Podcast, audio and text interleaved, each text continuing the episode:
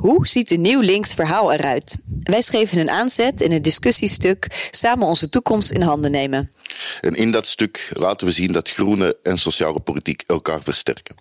Om onze ideeën een stap verder te brengen, gaan we in deze podcastserie met experts in gesprek. Ik ben Tim Jongers, directeur van de Wierdi Beckman Stichting. En ik ben Noortje Thijssen, directeur van het wetenschappelijk bureau GroenLinks.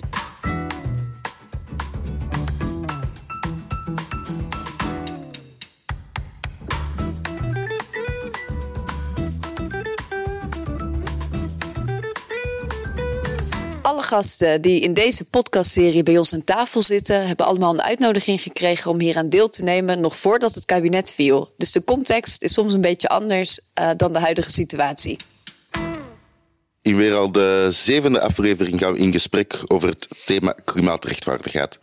Hoe zorgen we ervoor dat de rusten en de lasten van de groene transitie eerlijk worden verdeeld? Klinkt allemaal abstract, maar eh, Noortje, wat bedoelen we daar eigenlijk mee? Nou, ik zal een eh, stukje uit onze tekst voorlezen om een beetje een beeld te scheppen. Komt-ie. Het is oneerlijk dat de meest vermogenden de grootste ecologische voetafdruk hebben en de financiële mogelijkheden hebben om te investeren in warmtepompen, elektrische auto's en zonnepanelen. Anderen moeten het doen met een extra trui, een tochtstrip en radiatorfolie. In tijden van hittestress zijn de armste wijken de warmste wijken een inspiratiebron is voor ons de klimaat- en milieubeweging. Zij weten met succes het belang van klimaatrechtvaardigheid te agenderen. Een van de bekende gezichten binnen die beweging is Sieger Rood van Extinction Rebellion. Eh, welkom, Sieger. Dankjewel. Ja, fijn dat je er bent. Je zei net al eh, dat je heel braaf het discussiestuk hebt gelezen. En we zijn natuurlijk heel benieuwd. Wat vond je van het hele stuk? Nog even los van de klimaatrechtvaardigheid. Wat was je eerste gevoel? Ehm, ja, eh, ik ben het er volledig mee eens. Ik kon me daar eh, goed in vinden. En ik denk dat het. Eh, klopt wat jullie schrijven dat het nodig is om sociaal en groen te combineren. Ehm, we zijn bij Extinction Rebellion heel erg doordrongen van het feit dat. Het wordt ook vaak bij die acties eh, gezongen. Eh, climate justice is social justice. En ik weet dat ik dat voor het eerst hoorde en dat ik dacht. Huh? Ik, dat snap ik nog niet helemaal. Ehm, en inmiddels snap ik het wel. Ehm, want zoals jullie ook zeiden, ja, het is. Eh, het is een verdelingsvraagstuk ook meteen, het klimaatprobleem. Eh, we moeten het oplossen. Mm, het wordt door mensen veroorzaakt, maar niet door alle mensen. Zelfs niet door de meeste mensen, maar eigenlijk door een heel klein groepje mensen vooral. Wie zijn die mensen?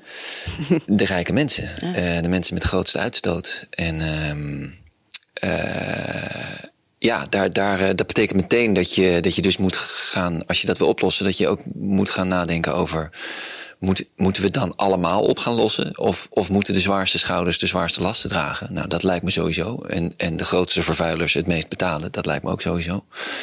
Ehm, dus daarin eh, nou, kan ik me volledig vinden in jullie eh, conclusie. Ja. En was er ook iets wat je las waar je het niet mee eens was? Um, nou, er was meer iets eh, dat ik eh, ik las het en ik dacht, het, er mist nog iets wat mij betreft. Hm. Eh, we zitten in, in meerdere crises op dit moment. Ehm, we zitten natuurlijk met een enorme wooncrisis. We zitten met een eh, stikstofcrisis in Nederland. We zitten met een internationaal met een klimaatcrisis en een ecologische crisis. We hebben de toeslagenschandaal en andere grote problemen in Nederland. Maar ja, wat mij betreft is de klimaatcrisis en de ecologische crisis echt de grootste. Eh, omdat hij zo alles overheersend is. Ik bedoel, we hebben natuurlijk ook nog de migratiecrisis, wat ik helemaal geen crisis vind, maar zelf gecreëerd. Eh, gecreëerde crisis door voornamelijk de VVD in Nederland. Ehm, maar al die crisis eh, ja, worden allemaal, of, hebben allemaal te maken in, in meer of mindere mate met, wat mij betreft, de grote crisis, de klimaatcrisis. Dat is een enorm probleem dat op ons afkomt en waar we, wat we ook niet meer kunnen tegenhouden, waar we alleen nog maar voor kunnen zorgen dat we de ernstige gevolgen eh, daarvan kunnen beperken. Ehm, en wat ik dus miste in jullie verhaal is eigenlijk eh, dat we in een systeemcrisis zitten. Ehm, we weten al 50 jaar, of we, eh, de mens, wetenschappers, politici, ehm, mensen die geïnformeerd zijn, weten al 50 jaar dat CO2, dat onze uitstoot daarvan een probleem is voor uh, de opwarming van het klimaat. En al 50 jaar proberen we op allerlei manieren daar iets tegen te doen. Via uh, klimaatmarsen, ehm, demonstreren bij vervuilende bedrijven, via de politiek, ehm, het voeren van debatten, opiniestukken schrijven, documentaires maken. En al 50 jaar stijgt de uitstoot van CO2 nog steeds. Dus um, het, het, werkt niet. Het gaat niet Vind goed. je dat dat onvoldoende in, in het stuk erkend wordt? Nou, dat zou niet de um, bedoeling moeten zijn. Wat mij betreft staat dat er ook wel in. Dus ik ben wel Ik benieuwd. vraag me af of de politiek zoals die nu is. eh, kijk, ik ben geen voorstander, en dat lijkt me logisch, van eh, autoritaire regimes. Ehm, dus ik pleit niet voor een dictatuur. Maar eh, ik, ik ben zeer voor democratie. Maar de democratie die we nu hebben, werkt niet. Ehm, want als ik eh, probeer te analyseren hoe onze democratie nu werkt, onze parlementaire democratie, dan is het zo dat wij burgers elke vier jaar politici mogen kiezen en dat vervolgens bedrijven het beleid mogen maken. En ik vind daar echt iets heel erg mis mee. Want die bedrijven hebben korte termijn belangen en aandeelhouderswinst voor ogen. Ehm, ja, dat bijt op dit moment met eh, het klimaat, milieu, met eh, luchtverontreiniging, met een leefbaar land en een leefbare planeet voor mensen, dieren, planten. Eh, en het lukt politici niet om die bedrijven eh, binnen lijntjes te laten kleuren. Eh, en dat is niet zo gek, want er is een enorme lobby gaande. Ehm, en ehm, ja, we hebben natuurlijk heel lang gedacht van, nou, dat, dat bedrijven en burgers dezelfde belangen hebben, namelijk een leefbare wereld. Maar inmiddels is dat dus gewoon gebleken, is dat gewoon niet zo. Tata Steel en, en Shell, als je die hun gang laat gaan, dan vernietigen die gewoon alles wat ons lief is. Ehm, want ja, de situatie is nu eenmaal zo en we moeten toch doorgaan met fossiele brandstoffen. Ehm, dus ik vind dat, eh, dat die gestopt moeten worden. En of dat er in ieder geval, als, als zij zo'n grote lobby hebben, dat er ook een lobby moet zijn voor burgers. En een lobby voor planten en voor natuur en voor dieren. Waar is die? Nou, die is er niet. Dus we moeten die lobbycratie waar we nu in leven eigenlijk zo snel mogelijk eh, eh, ja, aanpakken. In die zin zou je kunnen zeggen, als ik jou zo hoor, het is vooral ook een machtsvraagstuk. Het gaat over herverdeling van macht. Ja. Eh, jij zelf kiest de route van activisme. Ja. Eh, waarom? En is dat volgens jou de meest effectieve route? Ehm, ik heb een paar jaar geleden met Maria Goos, een, een theaterschrijfster, eh, een, vo- eh, en, en Michiel de Jong, ook acteur, eh, met z'n drieën een voorstelling gemaakt over de klimaatcrisis. En toen ben ik me gaan inlezen in de klimaatproblematiek. En het, we weten natuurlijk al een tijdje, en ik wist toen ook al van het gaat volgens mij niet helemaal goed. Maar als je erop in gaat lezen, dan, ja, ik schrok gewoon heel erg. Ik, ik schrok me echt kapot. Ik heb twee Waar schrok je van? Ehm, ja, hoe, hoe, hoe erg de situatie al, al, nu al is. Eh, en er zit een voordeel aan dat we het nu al steeds meer zien. Want de af, vijf jaar geleden was het echt nog zo van... ja, maar die klimaatcrisis, dat, dat gaat echt een probleem worden. Maar we zien nu al in het zuiden van Europa dat het een probleem is. We zien nu al in India dat er een waanzinnige hittes en droogtes... en daarna weer overstromingen zijn. We zien nu al in het mondiale zuiden dat er eh, tienduizenden, honderdduizenden mensen... door de gevolgen van eh, misoogsten, door de gevolgen van klimaatverandering overlijden. Ehm, dat, dat is nu al aan de hand. De klimaatcrisis is al hier. Zoals ik zei, we gaan hem niet meer tegenhouden. We kunnen alleen nog maar de, de ernstige gevolgen ervan beperken. Ook in eigen land. Hè? Vorige week zag ik eh, in de krant staan dat er 60.000 doden al waren gevallen eh, vanwege de hitte in Europa. Ja. Dus ook dichtbij merk je natuurlijk ook al dat elk- het niet helemaal goed gaat. Nee, Ja. er gaan elk jaar 7 miljoen mensen dood aan de gevolgen van luchtvervuiling. Dat is absurd. Ja. Dat betekent dat we over 20 jaar 150 miljoen doden hebben. eh, die we kunnen voorkomen als we die luchtverontreiniging stoppen. Eh, of binnen de perken proberen te krijgen. Dus dat, dat zijn. We gaan nu akkoord met iets wat eigenlijk absurd is, vind ik. Dus toen me dat duidelijk werd, eh, dacht ik: ik wil mijn eigen CO2-footprint eh, eh, zo klein mogelijk maken. Dus ik besloot niet meer te vliegen en ik besloot minder spullen te kopen. En ik besloot vegan te worden en elektrisch te gaan rijden. En tot ik me op een gegeven moment realiseerde: ja, ik kan vegan gaan worden tot ik een ons weeg. Maar als ondertussen Tata Steel en Shell en, uh, en Yara, de kunstmestfabriek, lekker doorgaan met uitstoten, dan, dan slaat dat nergens op. Um, de, de overheidscampagne Een beter milieu begint bij jezelf is wat mij betreft wel de grootste overheidsleugencampagne die er is geweest. Want daar heeft de overheid zichzelf heel handig buitenspel uh, gezet. Van wij, wij, gaan hier niet over. Terwijl natuurlijk gaat de overheid over. Um, als wij elkaar de maat gaan nemen over, ja, maar vlieg je nog steeds en heb je geen, geen vliegschaamte of eet je nog vlees, dan blijven de grootste spelers, namelijk bedrijfsleven en overheid, buiten, uh, buiten schot. Terwijl bedrijfsleven is echt de, de, dus de 100 grootste uitstoters, uh, de grootste, 100 grootste bedrijven op de wereld, stoten 70% van alle broeikasgassen uit. Daar, dat, klaar die moeten we aanpakken, is dus dan de conclusie voor mij. Um, en um, als, als ze dat niet uit zichzelf doen, dan heb je dus overheden nodig die dat uh, afdwingen. En die leveren niet momenteel. Nou ja, bedoel, wij als burgers kunnen niet besluiten dat, uh, dat, dat, dat de vervuiler betaalt. wij kunnen niet besluiten dat er een nieuwe energievorm komt voor, voor vervoer en voor industrie. Dat kan de overheid. Daar hebben we gewoon een fantastisch apparaat voor ontwikkeld door de eeuwen heen. Ehm, Alleen die doet het niet op dit moment. En, en toen kwam ik dus uit bij een burgerbeweging als Extinction Rebellion. Die zegt, ja, na 50 jaar klimaatmarsen lopen is de tijd van op het Malieveld gaan staan en, en vriendelijk vragen wel voorbij. Want dan wordt er gewoon letterlijk door politici gezegd, ja, we zullen even naar jullie zwaaien. Dit is niet iets van, we vragen het vriendelijk. Dit is bittere, bittere noodzaak. Dit is niet een kwestie van, goh, als het ons uitkomt, als het haalbaar is, moeten we dit doen. Nee, dit gaat over uitsterving. Maar hoe, van... hoe komt het dat, dat die traagheid daarin blijft zitten? Ik sprak onlangs een uh, klimaatwetenschapper. En in dat gesprek kwam er eigenlijk op uit van... oké, we, we zijn een van de rijkste landen. We ervaren de minste gevolgen van de klimaatverandering. Zoals je zegt, in de ja. van Afrika, dat wil je momenteel... Uh, is een heel ander verhaal. Daar ervaren ze die gevolgen nou wel. Maar heeft het er ook mee te maken dat we het onvoldoende voelen? En is dat activisme nodig om het te laten voelen, om het even te zeggen? Nou, Extinction Rebellion is, is 4,5 jaar geleden opgericht in Engeland door een aantal mensen die heel uh, slim hebben gekeken naar burgerbewegingen door de eeuwen heen. Dus naar de suffragettes of naar de burgerbeweging in Amerika. Uh, de apartheidbewegingen in, uh, in Zuid-Afrika, uh, naar Gandhi in, in India. En hebben gekeken naar welke elementen van die burgerbewegingen effectief waren en welke niet. En die hebben daarmee een strategie ontwikkeld van welk, wat, wat moet je doen om effectief te zijn. En Extinction Rebellion is geweldloos.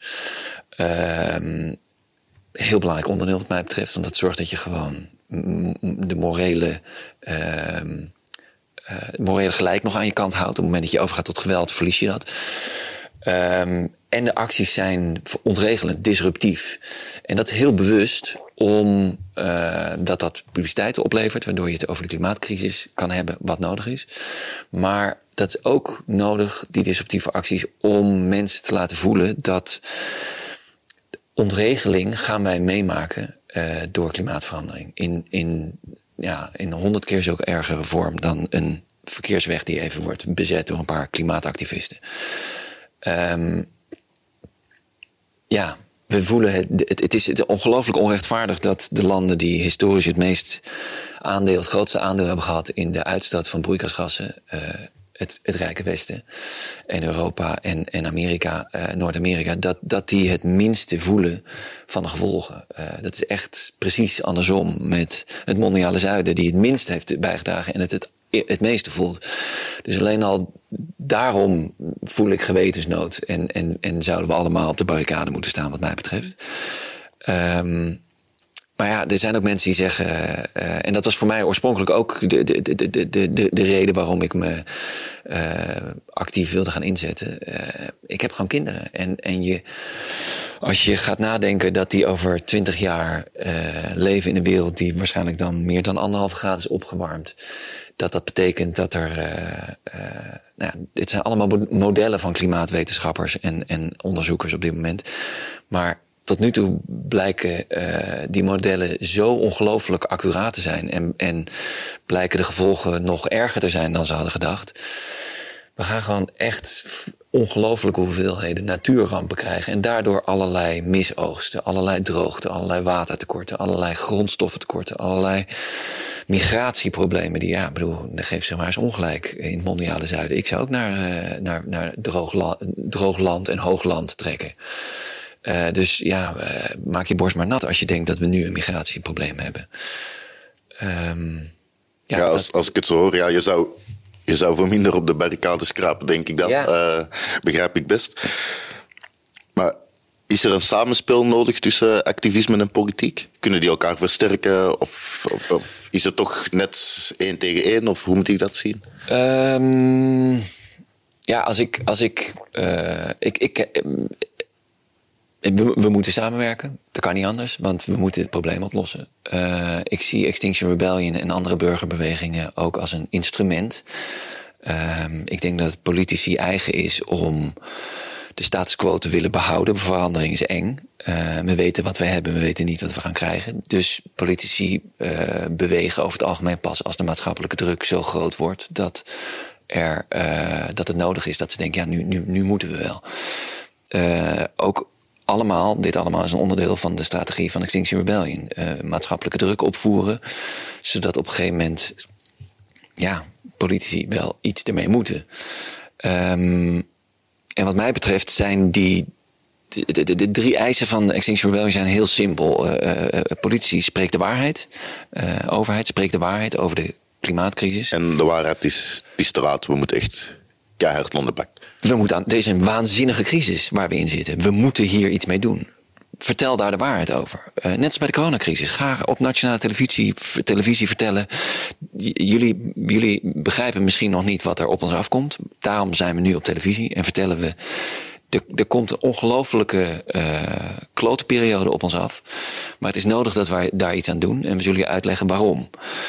Um, de tweede eis van Extinction Rebellion is handel ernaar. Dus ga beleid maken wat in lijn is met niet alleen het, het, verdrag van Parijs, maar wat in lijn is met niet alleen dat, je, dat we ons aan gaan passen aan klimaatverandering en de gevolgen daarvan, maar dat we het verdelingsvraagstuk moeten gaan behandelen. Want ja, uh, die bedrijven die zullen echt uh, iets aan hun uitstoot moeten doen. Uh, de, de grootste uitstoters, de, de, de rijke mensen, zullen zwaarder belast moeten worden. Want het, we leven in één, op één planeet. Als zij meer uitstoten, hebben wij allemaal daar last van. Je, je kan, we, leven niet meer in de liberale wereld waar iedereen lekker kan roepen: als ik daar zin in heb, dan mag ik dat doen. Nee, want jouw daden hebben gevolgen voor andere mensen in andere landen, uh, andere generaties. Um, dus uh, nogmaals, ga op nationale televisie vertellen dat het nodig is dat we hier iets aan doen. En maak beleid waarmee we er iets aan doen.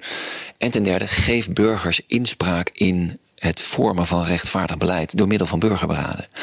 Die burgerberaden waren voor mij in het begin vrij onbekend. En ik dacht, ja, jezus, wat is dat joh, wat, wat, moet je ermee? Um, maar inmiddels, uh, Eva Rovers heeft daar een heel leesbaar, heel leesbaar en, en uh, inzichtelijk boek over uh, geschreven. En het is gewoon een hele effectieve manier. Kun je om... kort uitleggen aan de luisteraars wat een burgerberaad is? Burgerberaad en ook is. Hoe een burgerberaad ook echt een goede representatie is. Want daar ja. zijn ook wel eens misverstanden over. Ja. Van, hè, dat het is dan iets voor de hoger opgeleiden. Precies. Nee, kun je dat burgerberaad uitleggen? is juist eigenlijk een enorme equalizer. Waarbij iedereen, uh, alle burgers inspraak krijgen. De burgerberaad maakt gebruik van um, uh, door loting gekozen burgers, die echt een dwarsdoorsnede van de bevolking vormen. Ik zeg maar wat, 150 mensen. Dus er wordt dan gekeken hoeveel procent van uh, de bevolking bestaat uit die minderheid. Nou, dan moet er ook zo, dat percentage moet ook in die 150 mensen zitten. Dus van elke minderheid en van elke geaardheid en van elke afkomst en van elke achtergrond en van elke kleur en van enzovoort. Uh, um, zijn mensen dan vertegenwoordigd. Hoog opgeleid, laag opgeleid. Het gaat dus niet over dat je goed ingevoerd moet zijn. Juist niet. Uh, het idee van die burgerberaden is dat burgers heel goed in staat zijn op het moment dat ze wetenschappelijke informatie krijgen. Um, om over een, onder, een onderwerp waar, waar de politiek jarenlang uh, over steggelt, om daar binnen hele korte tijd hele acceptabele uh, beslissingen over te nemen en beleid over te maken waarbij eigenlijk iedereen in het land zegt: Oh ja, nou voor mij prima. Ehm, het voorbeeld wat. bewezen heb je een voorbeeld Ja, van een burgerberaad die goed heeft uitgepakt. Het is in, in Frankrijk eh, hebben ze. Macron heeft dat gedaan op het gebied van klimaat. Ehm, het is redelijk eh, effectief geweest. Dus ik zeg redelijk, want Macron heeft er wel de fout bij gemaakt dat hij heeft gezegd: Ik wil wel de mogelijkheid hebben om een aantal dingen aan te passen. Nou, je, je raadt het al. Hij heeft helaas een paar uitzonderingen voor bedrijven gemaakt. Dus het is heel belangrijk dat zo'n burgerberaad ehm, niet alleen een goede vraagstelling heeft. Er wordt in Nederland nu een burgerberaad over klimaat gehouden, maar daarbij is de vraagstelling: wat kunnen, wat kunnen burgers doen om minder uit te stoten? Nou ja, ik werd echt gek toen ik dat hoorde. Ik dacht: gaan we nou weer burgers schuld geven Het van de eh, het klimaatcrisis? begint drukker bij jezelf. dit slaat op. Gaan we nou weer zeggen, de beter milieu begint bij jezelf? Dit is toch helemaal van de gekken? Dus de vraagstelling is extreem belangrijk. Eh, maar ook het mandaat is heel belangrijk. Dat, ja, dat de, de, de politie en regering zeggen, wat de uitkomst ook is, wij nemen het over en we gaan het uitvoeren. Ehm, en een goed voorbeeld van hoe effectief het is geweest, is bijvoorbeeld de abortuskwestie in Ierland. Nou, dat was jarenlang een, een enorm splijtswam in de Ierse politiek. Met de protestanten en de katholieken. Die hebben er echt decennia lang elkaar de tent over uitgevochten, ehm, zoals bekend. En daar heeft een burgerberaad in acht weekenden onder begeleiding van een gespreksleider die ehm sociocratisch het gespreksleiden zorgde ervan dat iedereen eh, aan, aan, bo- aan bod kwam. Dat dingen die al gezegd werden niet herhaald werden. Dus van, dat is al gezegd, eh, heb je nog iets nieuws toe te voegen? En op basis van alle argumenten werd uiteindelijk door het burgerberaad besloten. Dan doen we dit en dit en dit is ons voorstel. Is uitgevoerd, hele probleem opgelost in Ierland. Dus het is echt mogelijk. Ehm, en sterker nog, het is echt nodig.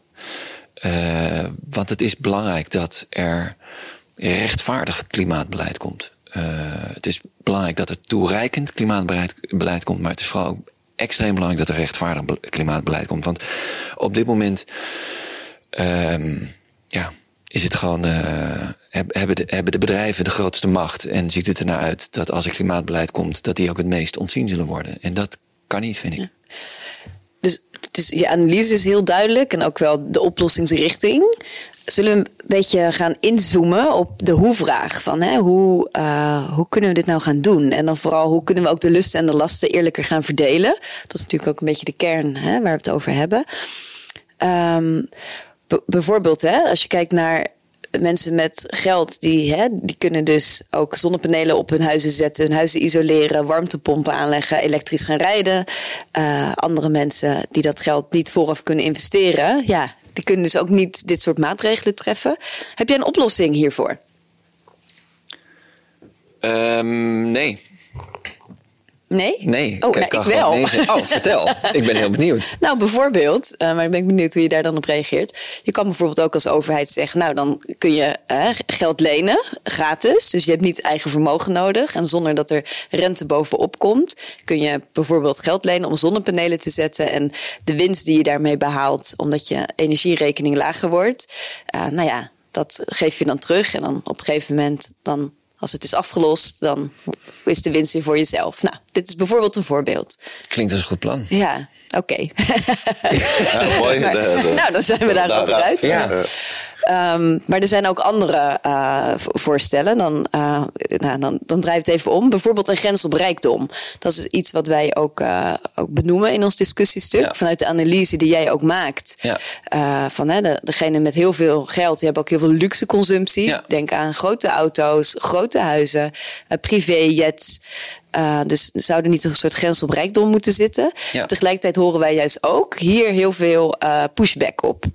Van ja, ehm, is dit nou nodig, zeg maar? Hè? Dat je daar ook echt eh, een grens aan stelt. Ehm, kun ik jij... denk wel dat dat nodig is. Ja, Ja? Ik, ja ik bedoel, er zit een vraag onder: wat is genoeg? Ehm, die, die wordt eigenlijk nooit beantwoord, omdat eh, ja, volgens mij het merendeel van de mensen tot nu toe in, in het gesprek hierover denkt: van ja, maar daar gaan we niet een uitspraak over doen, want eh, we leven toch in een vrije samenleving. Precies. Maar ik denk dat het steeds duidelijker wordt voor veel mensen dat het een samenleving is. En dat, dat het ook niet is, is waar je, eh, je je terug kan trekken achter je gated community of achter je rijke ehm, landhuizen en denken van eh, het zal mijn tijd wel duren. Nee, we, we leven op één planeet, dus we zullen met elkaar, jouw daden hebben gevolgen voor mij. Ehm, en zo'n excessieve rijkdom, ehm, ja, er, er, is geloof ik uh, onderzoek gedaan naar vanaf welk bedrag uh, mensen echt nog meer geluk ervaren bij als, ze, als ze nog meer gaan verdienen. En ik geloof dat dat ergens rond nou, de twee, één of twee ton of zo ligt. Ja, als, je, als je meer dan dat verdient, dan komt er eigenlijk niet heel veel opvallend veel meer geluksbeleving bij als je meer gaat verdienen prima. Je kan van twee ton volgens mij prima. Lijkt me heerlijk. Lijkt me heerlijk, inderdaad. ja. um, dus waarom zouden we akkoord gaan met uh, mensen die uh, miljarden verdienen en daarin uh, dus ook navenant veel uitstoten en daarin dus een onevenredig groot aandeel hebben in de vervuiling van de planeet en van onze leefwereld, waar de rest van het land en van de wereld geen baat bij heeft, zeggen, last van heeft. Um, ja, dat moet dus. Uh, ja, daar, ik, ik geloof heel erg in een soort rechtvaardigheid daarin. En mijn rechtvaardigheidsgevoel zegt: prima als je genoeg geld verdient, gun het je van harte. Maar uh, daar, mag, daar mag best een cap op zitten. Daar mag best een, eh, een, een bovengrens aan zitten. Um, want uh, vervuiling en uitstoot, het verborgen impact van de dingen die je gebruikt en, en, en consumeert, wordt allemaal nu niet meeberekend. Um, laat, laat, laten we eens kijken of we dat via belastingen wel kunnen doen. Ja. Oké, mooi. En uh, nou, dat is een mooi brugje naar de volgende maatregel. Je noemt het woord belastingen. We schrijven ook in ons stuk hè, dat er veel meer belasting moet worden uh, geheven op vermogen, vervuiling en uh, op luxe consumptie. Ja. wat de ingewikkeldheid hier wel een beetje bij is, is dat als dingen duurder worden, dat degene met het geld denken, nou, ja, het raakt mij niet zo. Ik uh, heb toch wel genoeg geld om uh, nog steeds uh, naar Ibiza te kunnen vliegen. Um, en nog steeds mijn vlees te kunnen kopen. maar ja, iemand met minder geld, ja, die wordt juist geraakt door dit soort maatregelen. Want Wat daar... doe je met als dingen duurder worden door, doordat je door vermogen gaat belasten? Nou ja, bij vermogen uh, valt het mee, maar het ging bijvoorbeeld ook over uh, vervuiling en luxe consumptie. Dus ja. dan denk ik bijvoorbeeld aan een vleestaks. Ja. Of ik denk aan duurdere vliegtickets. Ja. Zijn ook, maar we hebben nu andersom. Hè? We hebben niet alleen een vleestaks, we hebben, we hebben subsidies om te zorgen dat vlees goedkoper is. Nou, laten we daar sowieso mee stoppen, lijkt me. Ja, maar ja, dan wordt... wordt vlees duurder. Ja. ja. Vlees is eigenlijk ook een luxe product van oorsprong. Ja. Het is, het is uh, heerlijk dat we een, een, een maatschappij hebben opgericht waarin je elke dag meerdere keren vlees kan eten. En we hebben heel lang gedacht, dit kan, maar het is inmiddels duidelijk, dat kan niet. Uh, dus ik vind het heel gezond dat vlees weer een luxe product gaat worden. Ja, en, maar als zeg maar, die mensen met het geld maar heel veel vlees blijven eten... en de ja. mensen met weinig geld dat dus niet meer kunnen doen... Ja. zit daar dan toch niet een onrechtvaardigheid in? En lost dat het probleem op? Want als, nou ja, al die mensen die wel dat geld hebben... dat zijn er best veel, hè, ook in Nederland. Ik bedoel, Heel veel mensen hebben het nog hartstikke goed in ons land. Ja, als die gewoon een vleesconsumptie... Uh, niet aanpassen, lost het dan wel het probleem op? Um, ja, niet de aanpakken lost het probleem sowieso niet op. Um, en ja, ik denk dat een van de gevolgen, en volgens mij stel ik je vraag, een van de gevolgen gaat sowieso zijn dat er dus minder vlees gegeten zal kunnen worden door een heleboel mensen. Ik denk dat dat niet anders kan. Ik denk dat het namelijk niet houdbaar is zoals we nu bezig zijn. Um, we hebben nu vlees zo absurd goedkoop gemaakt dat het goedkoper is om uh, in, in, de, in de bonusaanbieding vlees te kopen dan plantaardige producten vaak.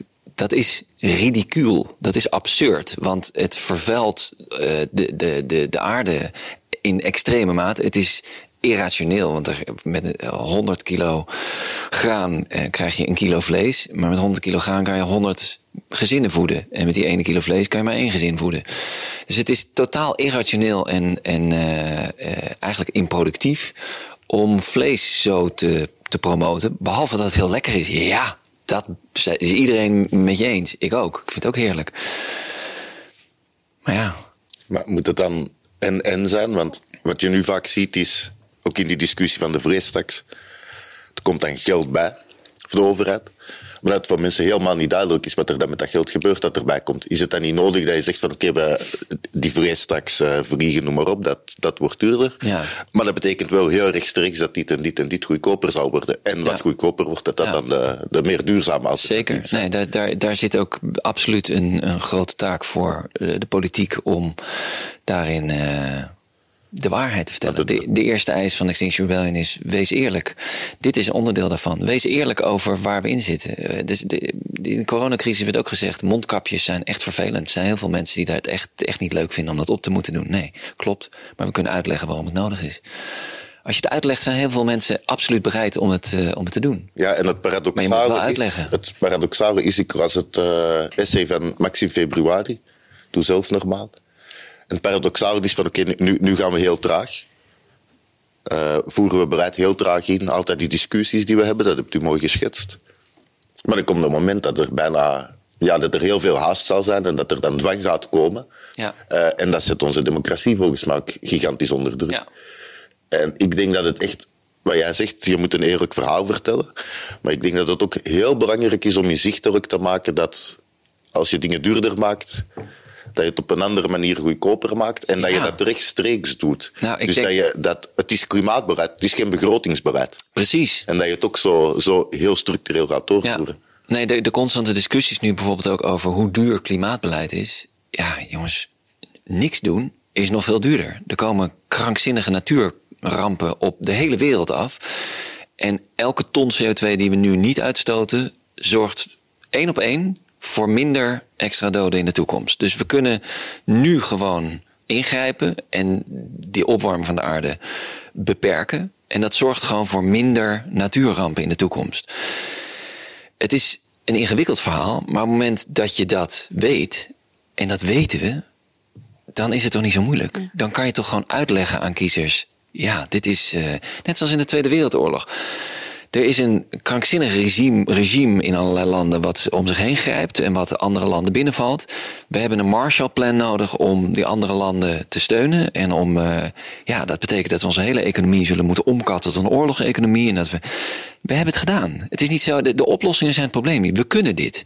Dat is echt het probleem. Alleen we moeten wel gaan vertellen wat er aan de hand is. Dat, dat krijgen wij, eh, dat hebben we in deze podcastserie al vaker te horen gekregen. Eigenlijk is ons economisch model helemaal niet, eh, niet geschikt om die transitie in te gaan. Ons economisch model is nu gericht op groei. Eh, een paar procent groei per jaar. Eh, Die dat dan is vervolgens niet bij de mensen terechtkomt. Hè? precies. En, en ja, daarom zeg ik, hebben we een systeemcrisis. Ik snap heel goed dat er een aantal politieke partijen, zoals Partij voor de Dieren en Bijeen bijvoorbeeld, zijn die zeggen: ja, we laten ons. Ons verkiezingsprogramma niet doorrekenen door het Centraal Planbureau. Want die, die legt het langs de maatstaf van eh, of het wel e- economische groei oplevert. Wij vinden dat we daar vanaf moeten. Ik vind dat een hele gezonde ontwikkeling. Want wa- waarom houden we vast aan dat krankzinnige bruto nationaal product... wat ooit na de Tweede Wereldoorlog als een soort maatstaf is eh, aangenomen... maar wat inmiddels... Ja, Bij zelfs ook de waarschuwing door de ontwikkelaar werd gezegd: ge- gebruik dit niet om je economie op te baseren. Nee, dus en dat was ook daarbij helemaal niet er bedoeld. zitten nu ook hele delen van de economie zitten erin die het enorm opblazen, zoals de financiële sector. Nou, voegen die echt iets toe aan ons bruto nationaal product? Voegen die iets toe aan ons welzijn? Die zorgen inderdaad dat er, een, dat er economische groei is, maar ten koste van wat? Al die banken die eh, al jaren, Rabobank, ING, eh, ABN, al jaren in veeteelt in Zuid-Amerika eh, investeren, die in fossiele bedrijven investeren. Ja, hartstikke leuk dat we economisch groeien daardoor, maar we maken alles kapot. Laten we kappen ermee. En ehm, in het verhaal hè, hoor je heel veel, ook door de vraag hoor, die wij stellen, hè, van wat er allemaal niet meer zal gebeuren, hè, wat we allemaal eh, minder eh, moeten doen. Tegelijkertijd is ook mijn overtuiging dat als je in een groene economie, in een, wel, in een welzijnseconomie eh, leeft, dat het leven er ook op vooruit gaat. Dat het ook een, een positieve boodschap is. Ehm, ik denk bijvoorbeeld aan uh, nou ja, je noemde het net ook al, hè, schone lucht. Hè. Het wordt gewoon fijner leven als er ook minder vervuiling is. Um, fossiele subsidies, als je die afschaft, ja, die kan je dan ook investeren in de publieke sector bijvoorbeeld. De afgelopen twee jaar werd er 30 miljard euro in, in Nederland alleen aan fossiele subsidies uh, uitgegeven. Of er werd dus eigenlijk. De, de Nederlandse staat liep 30 miljard euro mis. Uh, aan, aan belastinginkomsten door belastingvrijstellingen of verminderingen voor de fossiele industrie. 30 miljard, jongens. Dat is meer dan we dachten. Dat is 82 miljoen per dag. Ja. Elke dag dat je dat dus in stand laat, zeg je nee tegen 82 miljoen. Nou, ik kan zo allerlei dingen bedenken waar we, wat we met die 30 miljard per jaar uh, beter, uh, beter uh, openbaar vervoer, isolatie van alle woningen en gebouwen. Dat is, dat is allemaal op te lossen daarmee.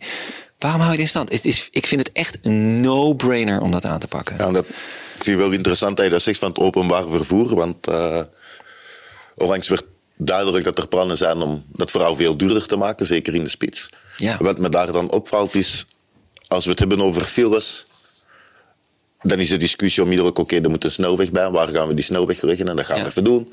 En als het gaat over openbaar vervoer, dan hoor je niet, ah, we gaan extra rails aanleggen en we gaan extra treinen. Nee, want dat kost allemaal te veel geld. Ja. Daar zit het gewoon ook in de opvatting volledig mis, denk ik. Ik zie geen visie van de afgelopen vier kabinetten over uh, dat soort vraagstukken.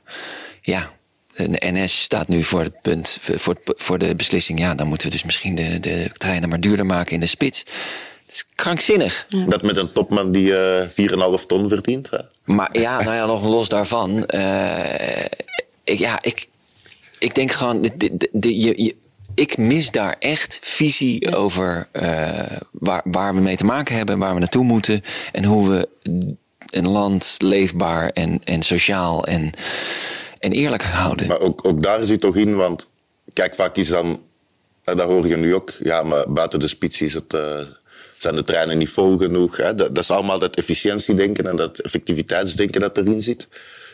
Maar de winst zit er wel in het feit dat mensen niet in hun auto zitten. Ja. En zo moet je het ook. En ik denk dat het wel heel belangrijk is om ook goed uit te leggen wat op lange termijn de baten zijn van meer treinen, van, van minder vliegen. Ja.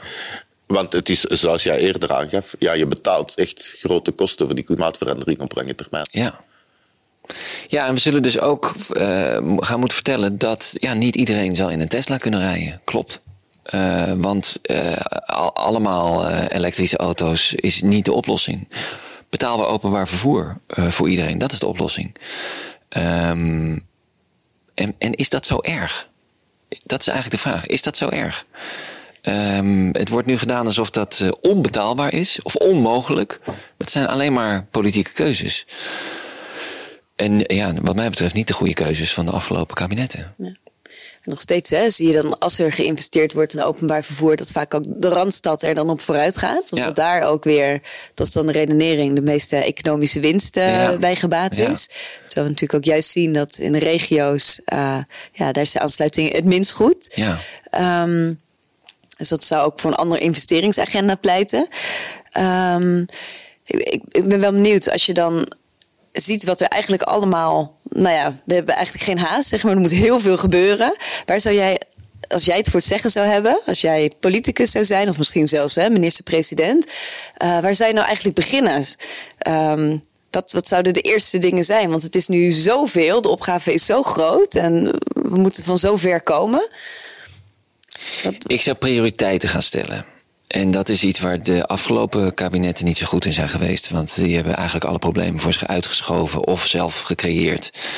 Um, en ik zou gaan kijken naar welke crisissen zijn er nu. Uh, wat, wat, is de grootste crisis? Wat, wat zijn de grootste gevaren? En het grappige is volgens mij zelfs dat als je de klimaatcrisis probeert uh, te beteugelen, dat je een heleboel andere problemen ook oplost. Dat, dat je namelijk, ja, inherent daaraan is dat we een minder grote veestapel uh, zullen gaan uh, hebben. Want we, hebben nu, we zijn nu het afvoerputje van Europa. We hebben hier zo krankzinnig veel uitstoot aan mest en en, en, en stikstof. En bedoel, ja, dat moet dus minder. Nou, daarmee los je ook het, het bouwprobleem op. Uh, hey, woningcrisis crisis is ook een stukje makkelijker geworden.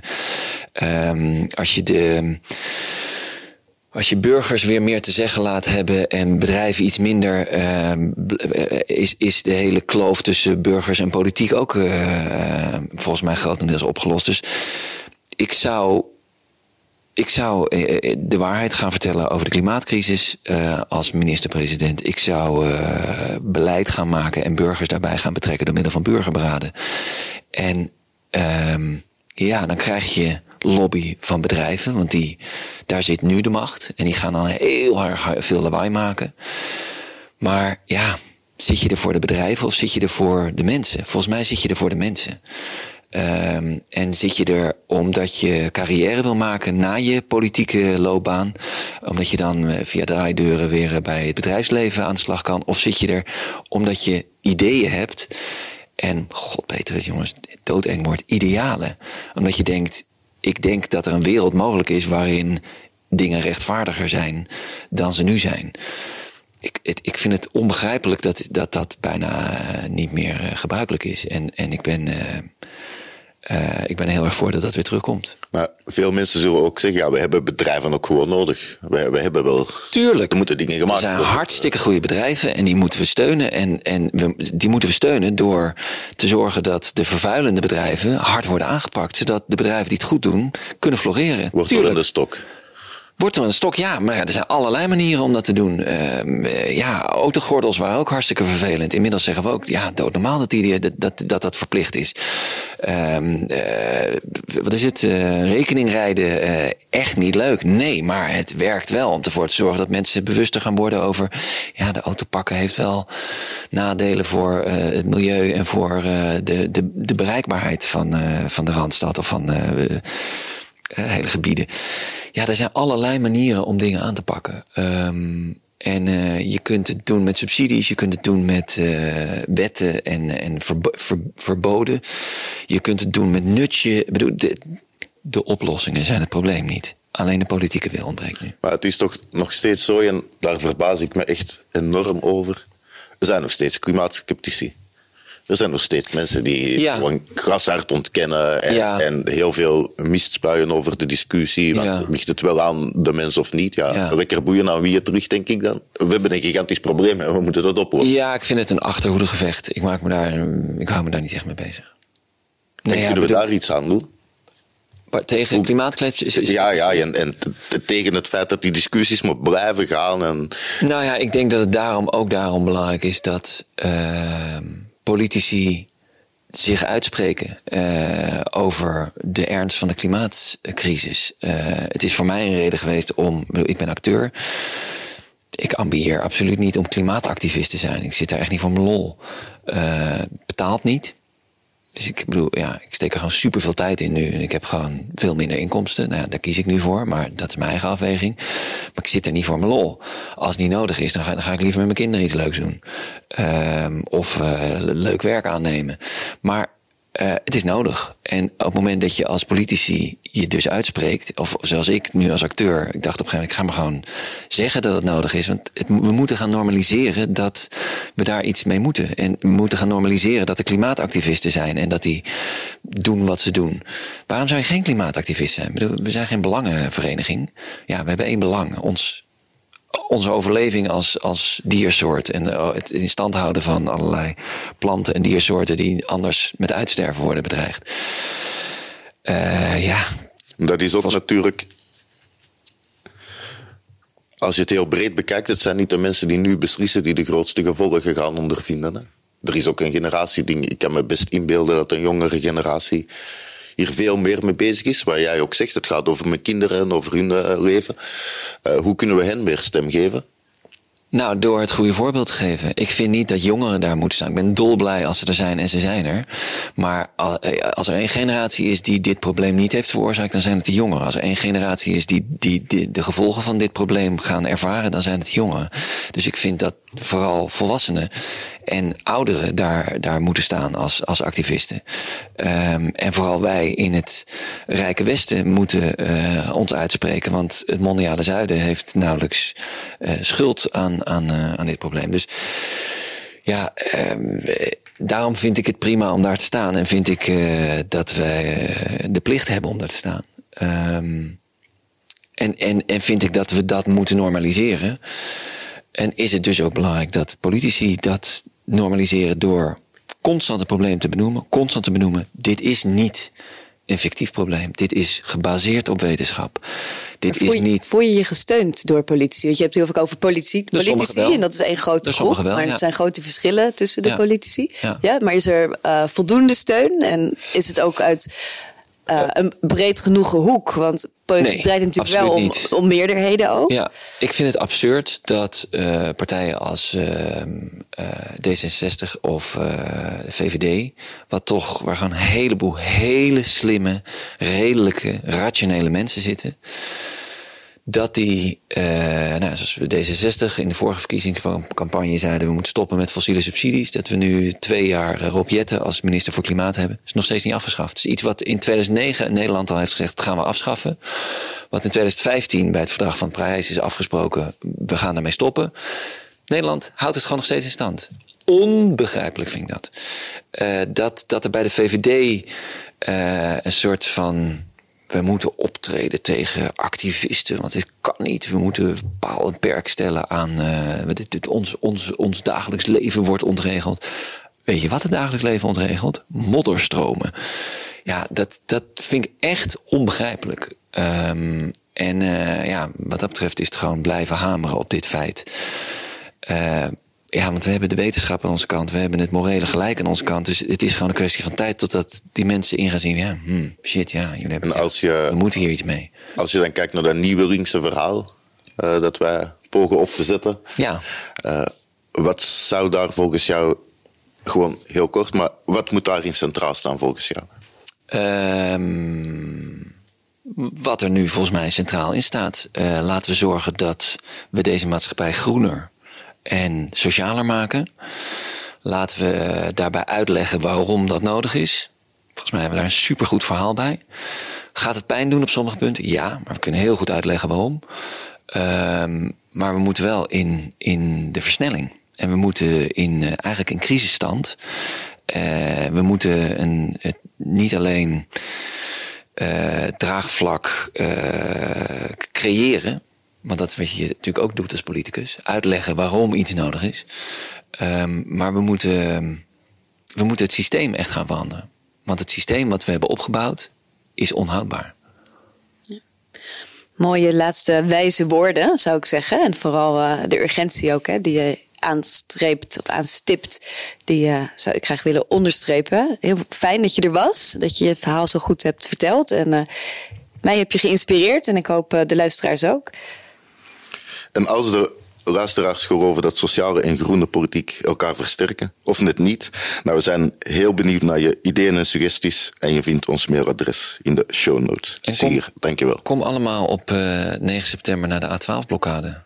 Ehm, sluit je aan, zou ik willen zeggen, bij Extinction Rebellion. Ja, ik, ik hoop dat deze uitzending dan ook voor 9 september eh, in de lucht gaat. En anders de komt er een volgende ook, toch Precies. weer? Is een Wij volgende datum ook bekend? Nou, ons plan is nu om. eh, onze eis is dat de fossiele subsidies moeten worden afgeschaft. En dat kan gewoon van vandaag op morgen. Ehm, en als we worden weggehaald door de politie, dan komen we de dag daarna weer terug. Als we dan worden weggehaald, komen we de dag daarna weer terug. Dus eh, we gaan hem eh, vanaf 9 september permanent de A12 naast het Malieveld blokkeren. Oké, mooi. Een soort marathon. Ja, Ja, nou, heel veel succes. dankjewel. Dankjewel. Dank voor je komst. Jullie bedankt.